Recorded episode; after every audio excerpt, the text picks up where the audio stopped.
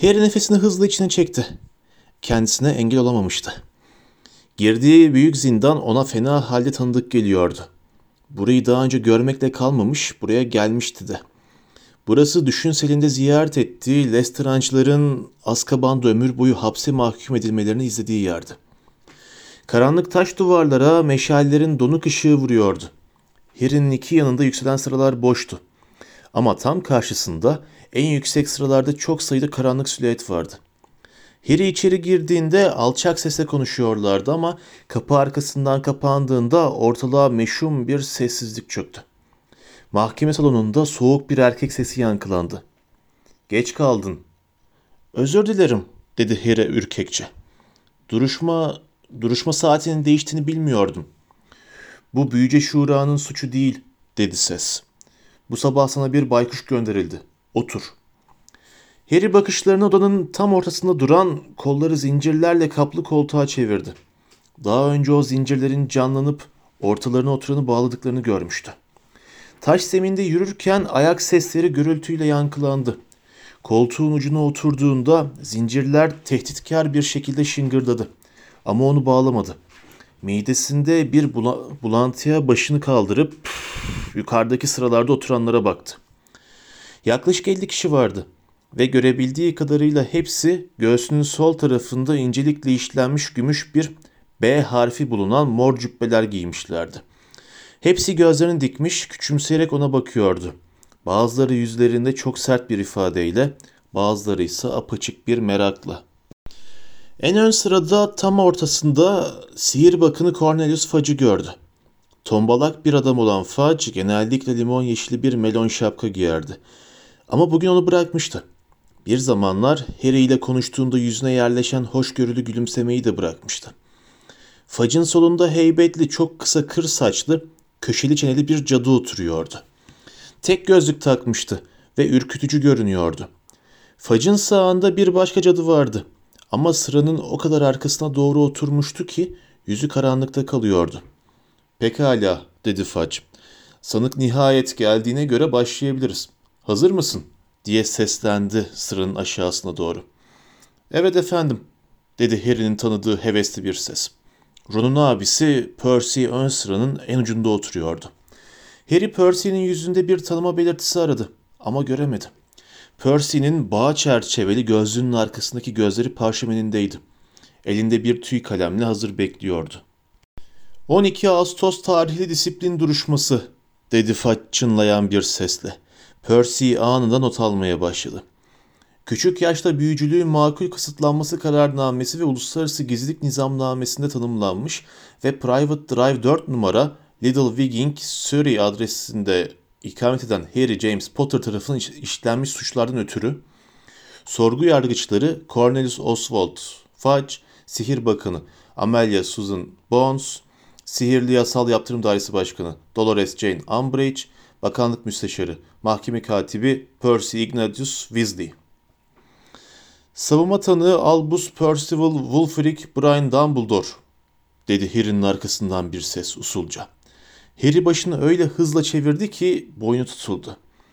Dumbledore üzerinde gece mavisi uzun bir cübbe, yüzünde son derece sakin bir ifade, sükunetle ona doğru yürüyordu.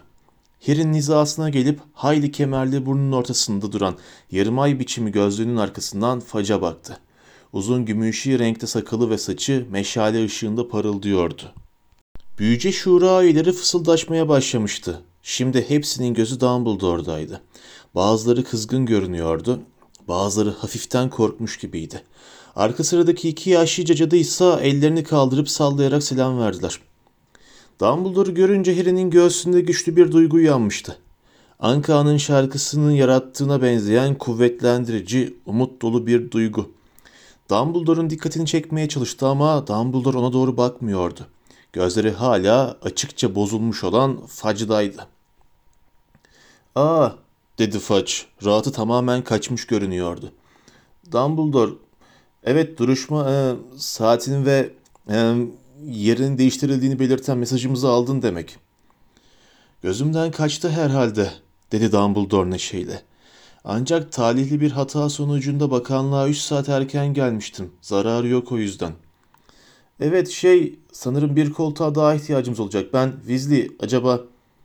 Zahmet etmeyin, zahmet etmeyin, dedi Dumbledore tatlı tatlı.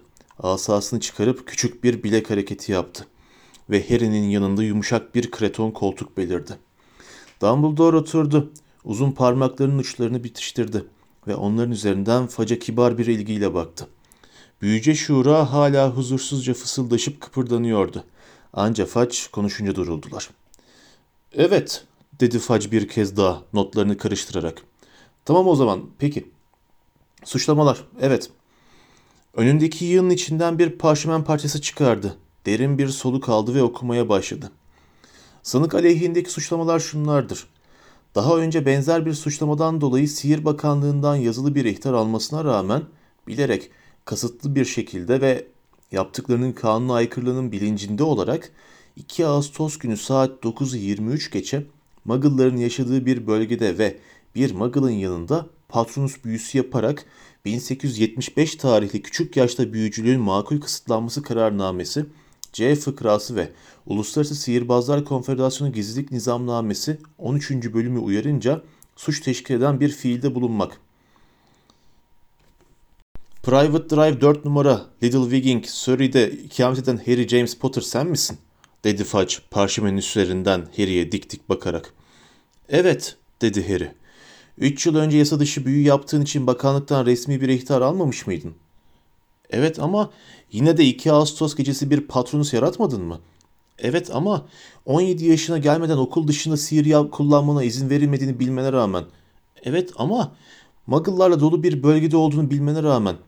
Evet ama o sırada bir Muggle'ın çok yakınında olduğunu bilmene rağmen. Evet dedi Harry öfkeyle. Ama bunun tek nedeni tek gözlüklü cadı gürleyen bir sesle sözünü kesti. Erişkin bir patronus mu yarattın? Evet dedi Harry. Çünkü cismani bir patronus mu? Ne patronus? dedi Harry. Patronusunun belirgin bir biçimi var mıydı? Demek istediğim buhar ya da dumandan öte bir şey miydi? Evet, dedi Harry sabırsızlık ve biraz da çaresizlikle. Çatal boynuzlu bir geyikti. Hep öyledir. Hep mi? diye gürledim adam Bones. Bundan önce de patronus mu yarattın? Evet, dedi Harry. Bir yıldan fazla süredir yapıyorum bunu. Ve 15 yaşındasın, öyle mi? Evet ve bunu okulda mı öğrendin? Evet, 3. sınıfta Profesör Lupin öğretti çünkü... Etkileyici, dedi Madame Bones, gözlerini ona dikip bakarak. Bu yaşta hakiki bir patronus. Gerçekten çok etkileyici. Madame Bones'un etrafındaki büyücü ve cadılardan bazıları yine fısıldaşmaya başlamıştı. Birkaçı onaylarcasına başını salladı. Diğerleri ise kaşlarını çatmış, başlarını iki yana sallıyorlardı. Burada mesele büyüsünün ne kadar etkileyici olduğu değil, dedi Fudge ters ters. Hatta çocuğun bir muggle'ın gözünün önünde olduğu düşünürse ne kadar etki, az etkileyiciyse o kadar daha iyi değil midir? Daha önce kaşlarını çatanlar şimdi bu sözleri desteklercesine mırıldanıyorlardı ama Harry'i konuşmaya iten Percy'nin de başıyla bağnazca onaylaması oldu. Ruh emiciler yüzünden yaptım, dedi yüksek sesle. Bu defa kimsenin sözünü kesmesine fırsat vermeden. Fısıltıların artmasını bekliyordu ama onun yerine ortalığa öncekinden de yoğun bir sessizlik çöktü. Ruh emiciler mi? dedi Madame Bones bir süre sonra. Kalın kaşlarını öyle bir kaldırmıştı ki tek gözlüğü düştü, düşecek gibi görünüyordu. Ne demek istiyorsun çocuk? Demek istiyorum ki o sokakta iki tane ruh emici vardı. Bana ve kuzenime saldırdılar. Ah dedi Fac tekrar. Yüzünde tatsız bir sırıtışla.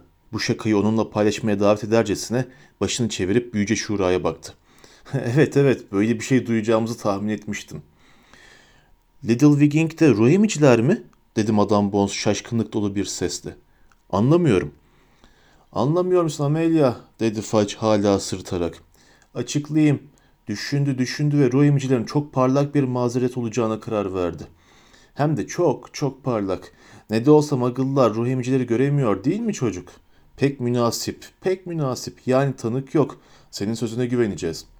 Yalan söylemiyorum, dedi Harry yüksek sesle mahkeme salonunda yeniden başlayan fısıldaşmaların arasında sesini duyurabilmek için. İki taneydiler.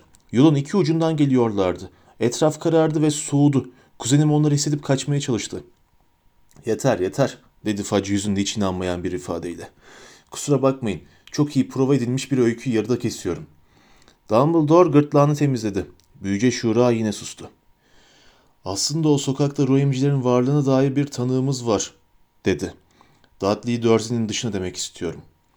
Fudge'ın tombul yüzü gevşer gibi oldu. Biri içindeki havayı boşaltmıştı sanki. Bir an Dumbledore'a baka kaldı. Sonra kendini toparlamak isteyen bir adamın edasıyla tekrar konuştu.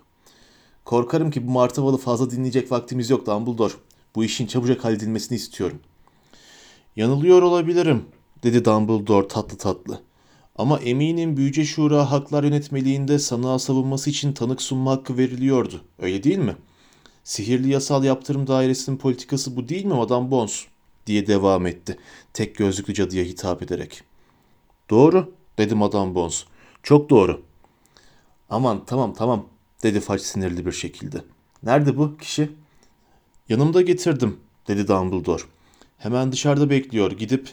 Hayır, Weasley sen git, dedi Fudge havlar gibi bir sesle. Percy hemen kalkıp yargıçların balkonunun taş basamaklarından koşarak indi ve Dumbledore'la Harry'nin yüzlerine bir kez bile bakmadan yanlarından hızla geçti. Biraz sonra Percy arkasında Bayan Fig ile birlikte geri döndü. Bayan Fig korkmuştu. Her zamankinden de kaçık görünüyordu. Keşke terlik yerine başka bir şey giymeyi akıl etseydi diye düşündü Harry. Dumbledore ayağa kalkıp koltuğunu Bayan Fig'e verdi ve kendine yeni bir tane yarattı. Bayan Fig ürkek ürkek koltuğunun en ucuna oturduğunda adınız ve soyadınız dedi Fudge yüksek sesle. Arabella Dorin Fig dedi Bayan Fig titrek sesle. Peki kimin nesisiniz? dedi Fudge sıkkın ve azametli bir sesle. Bir Little Wigging sakiniyim. Harry Potter'ın yaşadığı yerin çok yakınında oturuyorum, dedi Bayan Fig. Kayıtlarda Harry Potter dışında Little oturan herhangi bir cadı ya da büyücü görünmüyor, dedi Madame Bones hemen. Bu durum her zaman çok yakından takip edilmiştir. Geçmişteki geçmişteki olaylar sebebiyle. Ben bir koftiyim, dedi Bayan Fig. Yani zaten benim kaydım tutulmazdı değil mi? Bir kofti ha? dedi Fudge ona kuşkuyla bakarak. Bunu kontrol edeceğiz bakalım. Asistanım Weasley'ye ebeveyninizle ilgili bilgileri bırakın. Aklıma gelmişken koftiler ruhimcileri görebiliyorlar mı? Diye ekledi. Sıranın sağına soluna bakarak. Evet görebiliyoruz dedi Bayan Fig kızgın bir sesle. Fudge kaşlarını kaldırarak başını çevirip tekrar ona baktı. Pekala dedi soğuk soğuk. Neymiş hikayeniz? 2 Ağustos akşamı saat 9 sularında kedi maması almak için Wisteria Volk'un köşesindeki dükkana gidiyordum, dedi Bayan Fig hızlı hızlı. Sanki söyleyeceklerini ezberlemiş gibi. Ki o sırada Magnolia Crescent'la Wisteria Volk arasındaki yolda bir patırtı duydum. Yolun başına yaklaştığımda koşan ruh emicileri gördüm. Koşan mı? dedim adam Bones sert bir sesle. Ruh emiciler koşmaz, kayarcasına giderler. Ben de öyle demek istemiştim zaten, dedi Bayan Figemen. Solgun yanakları kızarmıştı. Kayarcasına giden ruh emiciler gördüm. Çıkarabildiğim kadarıyla iki çocuğa doğru gidiyorlardı. Neye benziyorlardı? Dedi Madame Bones. Gözlerini öyle kısmıştı ki tek gözlüğünün çerçevesi etinin içinde kaybolmuştu. Şey, bir tanesi iri yarı öbürü ise hayli sıskaydı. Hayır, hayır, dedi Madame Bones sabırsızca. Ruh emiciler. Tarif et onları. Ha, dedi Bayan Fik. Şimdi kırmızılık boynuna kadar ilerlemişti. Kocamandılar. Kocaman ve pelerinli. Harry kalın karın boşluğunda e, korkunç bir düşme hissi duydu. Bayan Fik ne derse desin Harry'e öyle geliyordu ki gördüğü en fazla bir ruh emici resmiydi. Ve bir resim bu varlıkların aslında nasıl şeyler olduklarını ifade edemezdi. Tüyler ürpertici bir şekilde yerden birkaç santim yüksekte süzülmelerini, çürümüş gibi kokmalarını, etraflarındaki havayı emerken çıkardıkları o korkunç hırıltıyı. İkinci sıradaki siyah post bıyıklı bodur büyücü yanında oturan kıvır kıvır saçlı cadının kulağına eğilerek bir şeyler fısıldadı. Cadı sırıttı ve başını evet anlamında salladı. Kocaman ve pelerinli diye tekrar ettim adam Bones kayıtsızca. Fudge alay edercesine burnundan hıh diye soluk verirken anlıyorum. Başka bir şey var mı? Evet dedi Bayan Fig. Onları hissettim. Etraf soğudu. Üstelik dikkatinizi çekerim. Çok sıcak bir yaz gecesiydi. Ve kendimi sanki dünyadan bütün mutluluk gitmiş gibi hissettim ve dehşet verici şeyler hatırladım. Sesi titredi ve sustu. Madame Bones'un gözleri hafifçe açıldı. Harry onun kaşının altında tek gözünün dayandığı yerde kırmızı bir iz gördü. Ruh emiciler ne yaptı diye sordu. Harry'nin içinde bir umut kabardı. Çocuklara saldırdılar dedi Bayan Fig şimdi daha güçlü ve kendinden daha emin bir sesle. Kızarıklık da yüzünden çekilmeye başlamıştı. Biri yere düşmüştü. Diğeri ise geri geri gidiyor, ruh emiciyi püskürtmeye çalışıyordu. Harry'ydi o. İki kez denedi ama sadece gümüşi bir buhar çıkarabildi. Üçüncü denemesinde başardı ve yarattığı patronus ilk ruh emiciyi kovaladı. Sonra onun teşvikiyle ikincisini de kuzeninden uzaklaştırdı. İşte olanlar bunlar diye sözlerini bitirdi Bayan Fig biraz titrek bir sesle. Madame Bones hiç konuşmadan Bayan Fig'e baktı. İse ona bakmıyor, kağıtlarıyla oynuyordu. Sonunda başını kaldırdı ve oldukça saldırgan bir tavırla ''Gördüklerim bunlar yani'' dedi. ''Olanlar bunlar'' diye tekrar etti Bayan Fig. ''Pekala'' dedi Fudge. ''Gidebilirsin.'' Bayan Fig gözlerini korkuyla Fudge'dan Dumbledore'a çevirdi. Sonra da kalkıp ayaklarını sürüye sürüye kapıdan doğru çıktı. Harry kapının, kapının onun arkasından kapanışını duydu. Pek ikna edici bir tanık değil dedi Fudge azametle. Bilemiyorum dedi Madame Bones gür sesiyle. Bir emici saldırısının etkilerini gayet doğru tarif etti. Ayrıca orada olmasalar niye oradaydılar desin bilmiyorum. Ama ruh emiciler öylesine bir muggle banyosuna gidip tesadüfen bir büyücüyle mi karşılaşıyorlar yani? Dedi Fudge alayla. Böyle bir şeyin gerçekleşme ihtimali çok çok küçük olmalı. Bagman bile böyle bir şeye para... Hiçbirimiz ruh emicilerin tesadüfen orada olduğunu düşünmüyor sanırım, dedi Dumbledore tatlı bir sesle. Fudge'ın sağındaki yüzü karanlıkta oturan cadı hafifçe kıpırdadı. Diğerleri donup kalmıştı. Bu da ne demek oluyor, dedi Fudge buz gibi bir sesle.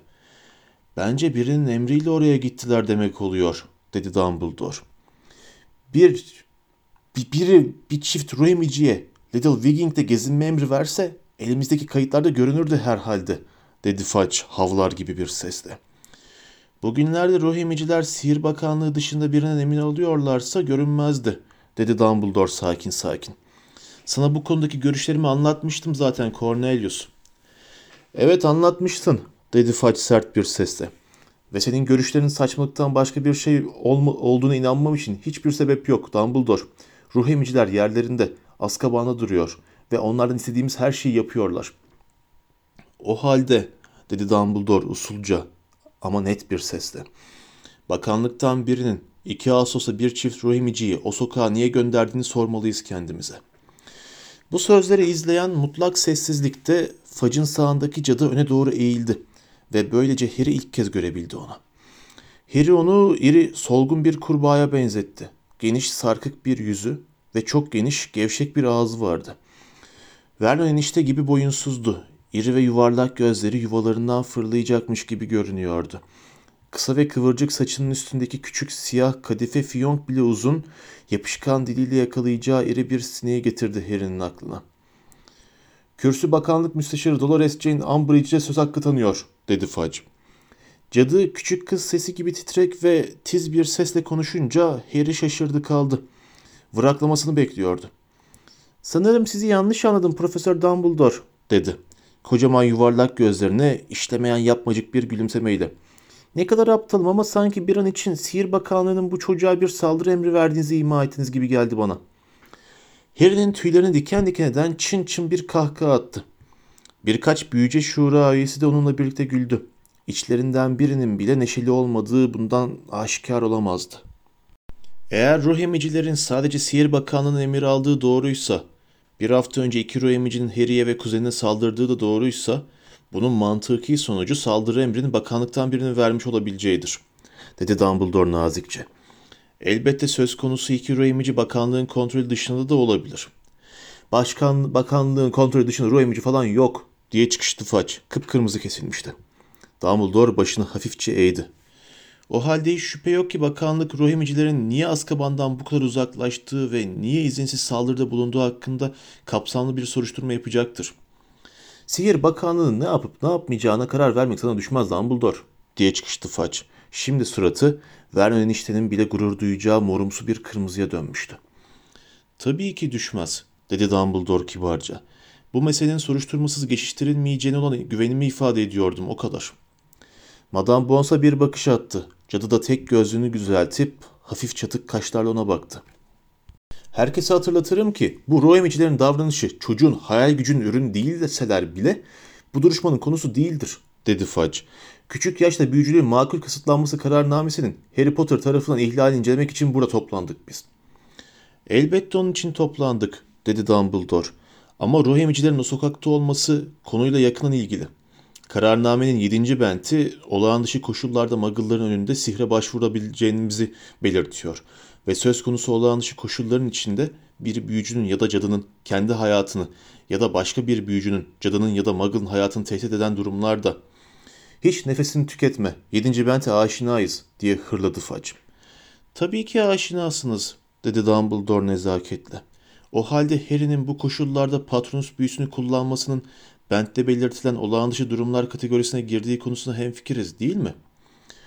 Ruh emiciler gerçekten oradaysalar ki bundan şüpheliyim. Bir görgü tanığının ağzından duydunuz diye sözünü kesti Dumbledore.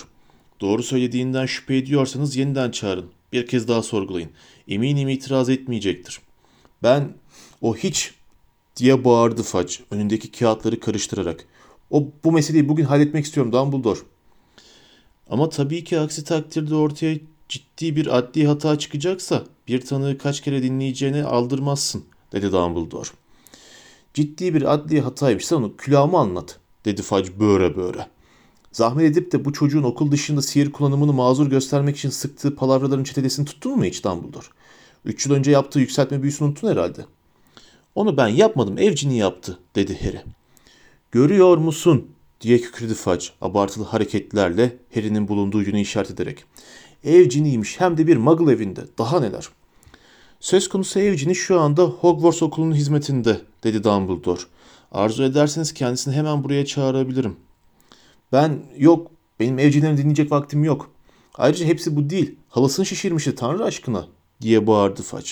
Yumruğunu yargıç sırasına indirip bir mürekkep şişesini devirerek. Fudge notların üzerinden mürekkebi silmeye uğraşırken Dumbledore en iyi büyücülerin bile bazen duygularına hakim olamadığını kabul ettiğinden olsa gerek. Sen de söz konusu olayda Harry için suç duyurusunda bulunmadın, dedi kibar kibar. Daha okula ne atlar karıştırdığından bahsetmedim bile.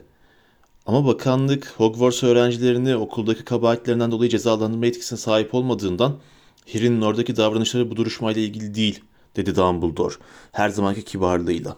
Ama bu defa sözlerinde bir nebze soğukluk vardı. Bak bak dedi Fudge. Demek okulda ne yaptığı bize düşmez ha? Öyle mi sanıyorsun? Bakanlık Hogwarts öğrencilerin atma etkisine sahip değil Cornelius. Bunu sana 2 Ağustos gecesi de hatırlatmıştım dedi Dumbledore.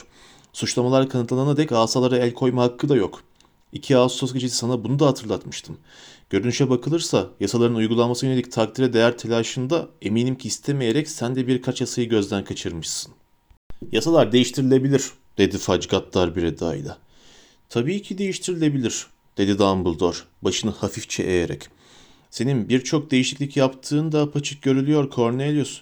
Baksana büyüce şuradan ayrılmamın istenişinden sonraki birkaç hafta içinde küçük yaşta büyücülük gibi basit bir vakaya bakmak için tam bir suç davası duruşması yapmak adetten olmuş bile.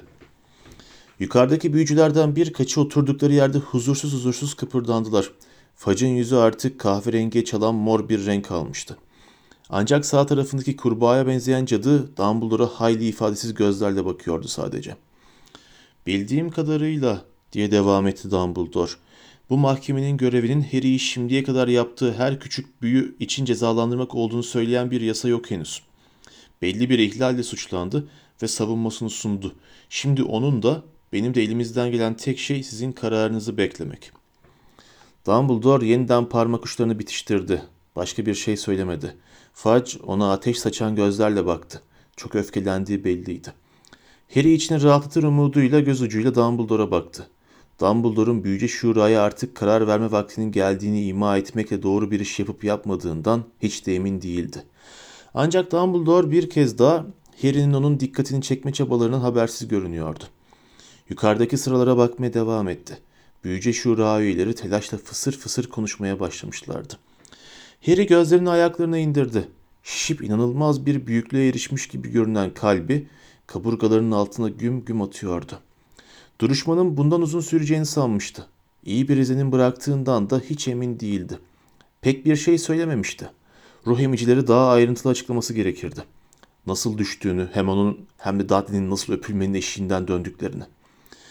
İlk iki defa başını kaldırıp faca baktı ve konuşmak üzere ağzını açtı. Ama şişmiş kalbi artık hava kanallarını sıkıştırıyordu. Ve iki defasında da tek yaptığı şey derin bir nefes alıp bakışlarını yeniden ayakkabılarına çevirmek oldu. Derken fısıldaşma sona erdi. Harry başını kaldırıp yargıçlara bakmak istiyordu ama bağcıklarını incelemeye devam etmenin çok daha kolay olduğuna karar verdi. Sanırım bütün suçlamalardan beraat lehinde oy kullananlar, dedi Madame Bons'un gür sesi. Harry sertçe başını kaldırdı. Havada bir takım eller vardı. Birçok el. Yarıdan fazla. Nefes nefese saymaya başladı ama saymayı bitiremeden Madame Bons konuştu. Mahkumiyet lehinde oy kullananlar. Fac elini kaldırdı ve onunla birlikte sağındaki cadı ve ikinci sıradaki post bıyıklı büyücüyle yanındaki kıvır kıvır saçlı cadı da dahil olmak üzere altı kişi daha el kaldırdı. Fac boğazına bir şey takılmış gibi bir yüz ifadesiyle dönüp hepsine baktı. Sonra da elini indirdi. Derin derin iki nefes aldı ve bastırılmış öfkeden çatal çatal çıkan bir sesle konuştu. Pekala, pekala. Bütün suçlamalardan beraat etmiştir. Harika, dedi Dumbledore canlılıkla. Ayağa fırladı ve asasını çekip iki kreton koltuğu yok etti. Eh, gitmem lazım artık. Hepinize iyi günler dilerim. Ve Harry'e bir kez bile bakmaksızın hızla zindandan çıktı.